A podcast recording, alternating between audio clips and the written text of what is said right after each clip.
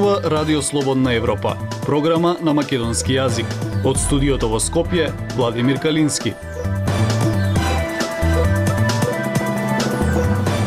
Почитувани го следите неделното интервју на Радио Слободна Европа, гостува председателот на синдикатот на УПОС Трпе Дејановски.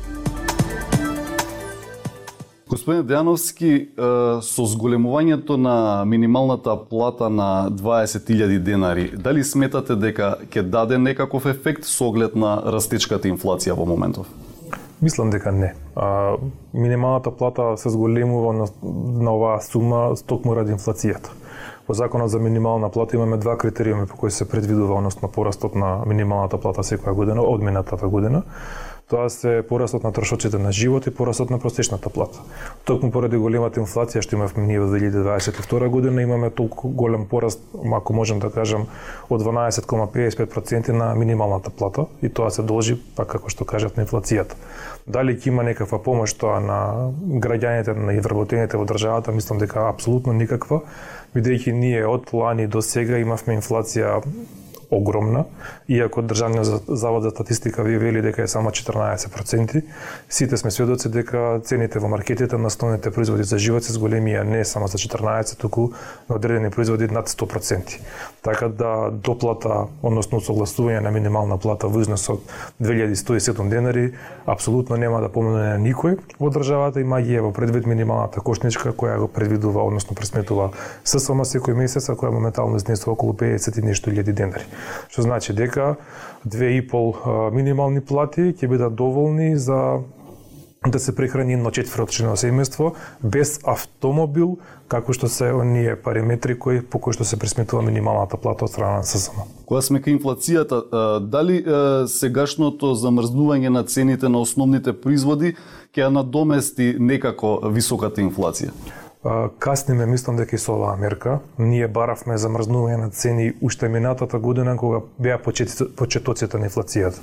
Дозволивме лебот, прашното, зејтинот, млекото да пораснат на 120%, па сега ги враќаме на цена, не на од 2021 година кога нели инфлацијата беше на зачеток или ја немаше, ја враќаме на цена од септември месец кога веќе инфлацијата ги изеде цените. А, каснеме со мерката, требаше да се предвиди порано, требаше да се замрзнат цените како што го направија скоро сите земји во во околината, и Албанија, и Србија, и Босна, и Косово дури. Меѓутоа ние сега решивме дека ќе заштитат граѓаните нешто со купување на шпагети, леп, леп млеко и млечни производи ќе биде 90 денари во текот на месец до 200 денари, да не претеруваме, меѓутоа тоа кога ќе ги видите другите цени на, на во маркетите, дали е тоа месо, дали тоа е овошје, дали тоа зеленчук, а, нема да има никакво облажување според нас на животните трошоци. Независни вести и анализи за иднината на Македонија на Радио Слободна Европа и слободнаевропа.мк.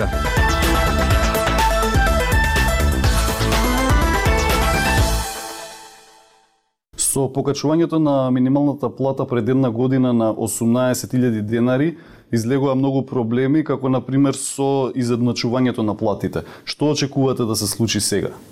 Истите проблеми ќе останат. Од наша страна се укажува не само од минатата година, туку со години наназад, поготово од УПОС укажува 2015 година кога веќе го имавме на урамноловка на преклоп на на платите на најниските нива во администрацијата.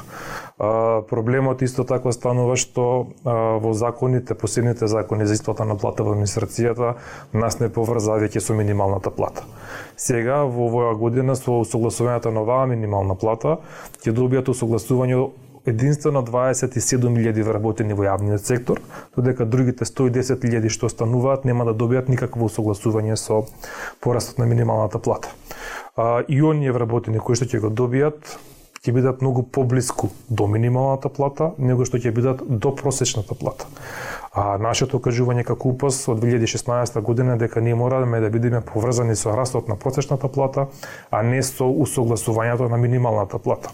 Од причина што во администрација моментално 97%, може би повеќе 8% од вработените во администрација се под просечна плата, а се поблиску до минимална плата која ќе земете во предвид дека цело ниво, цела категорија на референти, тоа се вработени околу 5 до 6 илјади само во администрација, а не во јавен сектор, зборам само во администрација, се на разлика од 800 денари до минимална плата, ќе видите дека а, минималната плата е предоминатна во јавниот сектор, во администрацијата и нашата математика е дека околу 80.000 вработени во јавниот сектор а, се или на ниво на минимална плата или 800 денари над минималната плата. Тоа значи дека нема во моментов работници во администрацијата што земаат под 18.000 денари плата. Во моментов не би требало да има такви случаи, така беше минатата година, остана вработени неколку месеци на 14.500, додека добија усогласување на 18.000 денари. Моментално во администрацијата не би требало да биде таков случај, меѓутоа во останатиот дел на јавен сектор може да се случи така. Во администрацијата нема да се случи бидејќи минималната плата влезе како дел од основната плата и во администрација, и во правосудство, и во казнено поправените, воспретно поправените установи, во дел во армијата и во дел од образованието. Се на се околу 27.000 вработени, а во другиот дел, како што кажав, тоа не се случи и а, може да имаме а, некои дел, делови од вработените, поготово помошно технички персонал, да надмине дури и вработени со високо образование со сегашната вредност на минималната плата од 20.107 денари. Со тие 27.000 работници што ги споминате, ќе добијат покачување на некакво покачување на плата? Добијат усогласување, не покачување. Усогласување со порастот на минимална плата. Значи, бидејќи минималната плата моментално ќе се покачи за 2107 денари, сите вработени во администрацијата, кои се согласно закон за административни службеници, закон за судска служба, закон за јавна медицинска служба, закон за армија, дел од вработените во а, градинките, ќе добијат усогласување од 2107 денари линеарно. Значи, од најниската ниво до највисокото ниво, од помлад референт, односно помошно технички персонал, до државен советник, линеарно ќе биде усогласена платата за 2107 денари. Дајте ни 15 минути и ние ќе ви го дадеме светот. Слободна Европа.мк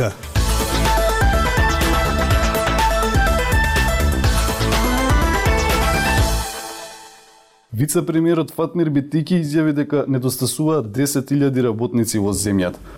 Верувате ли дека можат властите да привлечат работници од надвор со со вакви плати какви што ги имаме во моментов? Мислам дека за еден месец би можело, меѓутоа кога ќе дојдат и вработени од надвор од кај да доаѓаат од нели се, се имаше податок и каже вице премиерот Бангладеш Пакистан ќе останат во нашата држава месец и потоа ќе биде нели отворена врата за заменување во западно европските земји каде што исто така има потреба голем број на работници и имаат поголеми плати.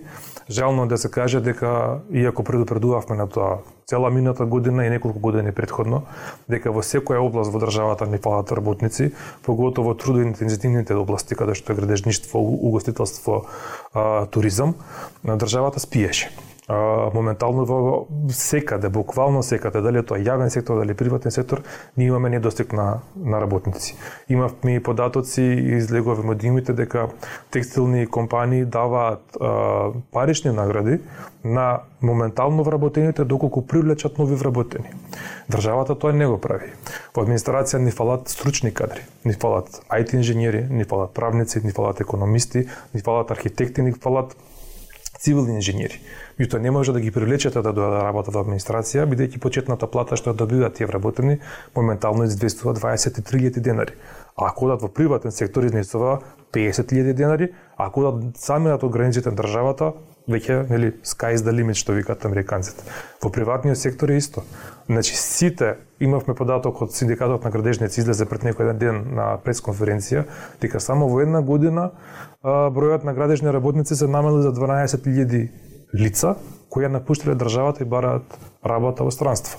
Имаме сега ќе дојде лето, македонските административци се јавуваат како сезонски вработници во странство.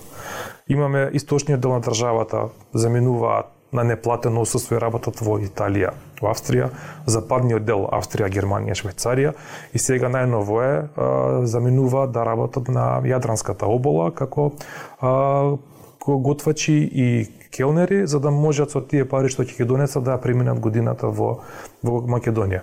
А, проблемот е во тоа што никој него него не а, не се она порасна минималната плата за 2000 денари, меѓутоа цените и животните трошоци порасна за 11.000 денари. 2000 денари не се доволно да можеме да преживееме кај нас во Македонија, бидејќи не само инфлацијата во овие две години. Нашите плати не се согласува со инфлацијата со години и години наназад. Јас цело време изјавувам. Во администрација нас до сега не доложија 27% изголемување на плата да бидеме во тек со останатите. Сега мислам дека без 60% ништо не правиме. Недостигот на работници е главно поради заминувањето на луѓето од земјава, а не поради тоа што луѓето повеќе се вработуваат, односно поради раст на вработеноста. Дали имаме да, апсолутно е така. Значи 14% имаме се уште невработеност. Невработеноста не се намалува. Значи не паѓа процентот, паѓа процентот на бројот на работници кои ни фалат. А тоа е само ради тоа што стручните кадри, способните работници ја напуштаат државата и одат во странство. Не збориме тука ние за IT сектор. IT сектор има супер плати тука, не зборам за македонски стандарди, зборам за оние луѓе и од администрација, и од здравство, и од одбрана, и од полиција, од секаде заминуваат, па дури имавме примери на двајца судии да напуштат држава, од помали судови во натрешноста, да работат како шофери на камиони во Германија.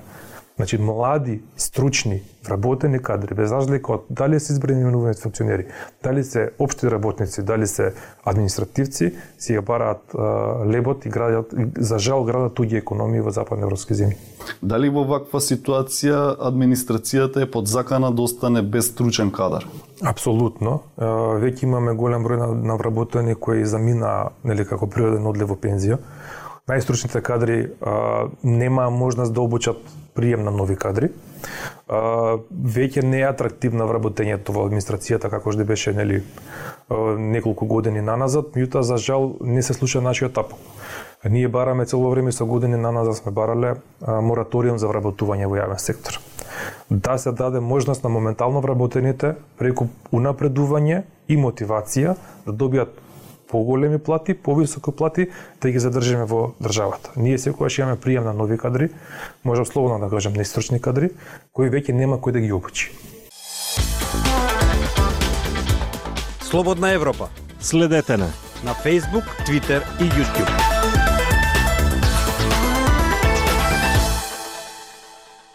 Сите вработени во Министерството за финансии ќе треба да добијат 30% покачување на платите според мислењето на законодавно правната комисија во собранието. Што ќе се случи сега? Не сите вработени за жал, остануваат два органи кои се во состав на Министерството за финансии кои нема да добијат. Тоа се бирото за јавни набавки и управата за имотно правни прашања. Значи јас не можам да сватам проблемот зашто уште 300 вработени, а толку се наброја во двете институции, во двата органа нема да добија 30% покачување. А, министерот за финансии испадна пишманаџија. Значи прво вика ќе дадам, после вика не давам, па да на крај со преку помош на законодавна правна комисија владата да каже дека само вработените во министерството ќе добијат зголемување на плата, односно на, на дополнување од 30%. Е сега, Во состав на Министерство не се само вработените во Министерство. Во состав на Министерство за финансии и Управа за јавни приходи, и Царинска управа, и Финансиска полиција и така натаму, така натаму. Сите ти има 30% на додаток на плата, 8 Бюро за јавни набавки и Управа за имотно правни прашања. Овие две органи, два органи, иако работените вршат огромни сложени работни задачи, не добиваат ништо. Револтот моментално е огромен, а моментално се размислува на штрајк и протести Па еве имаме најава за голема инвестиција, а, нели Бехтел Јенка треба да ги прави 110 км патишта, како ќе прави ако не е завршена експроприација. А експроприација завршува само управата за имотно правни односи. А ако тие луѓе трнат на штрајк, ќе се одложи и завршувањето на таа голема инвестиција во државата. Господин Дијановски, ви благодарам за интервјуто. Благодарам на вас. Почитувани слушатели, тоа е се што ви подготвивме во оваа емисија. Од студиото во Скопје ве поздравуваат Владимир Калински и Дејан Балаловски.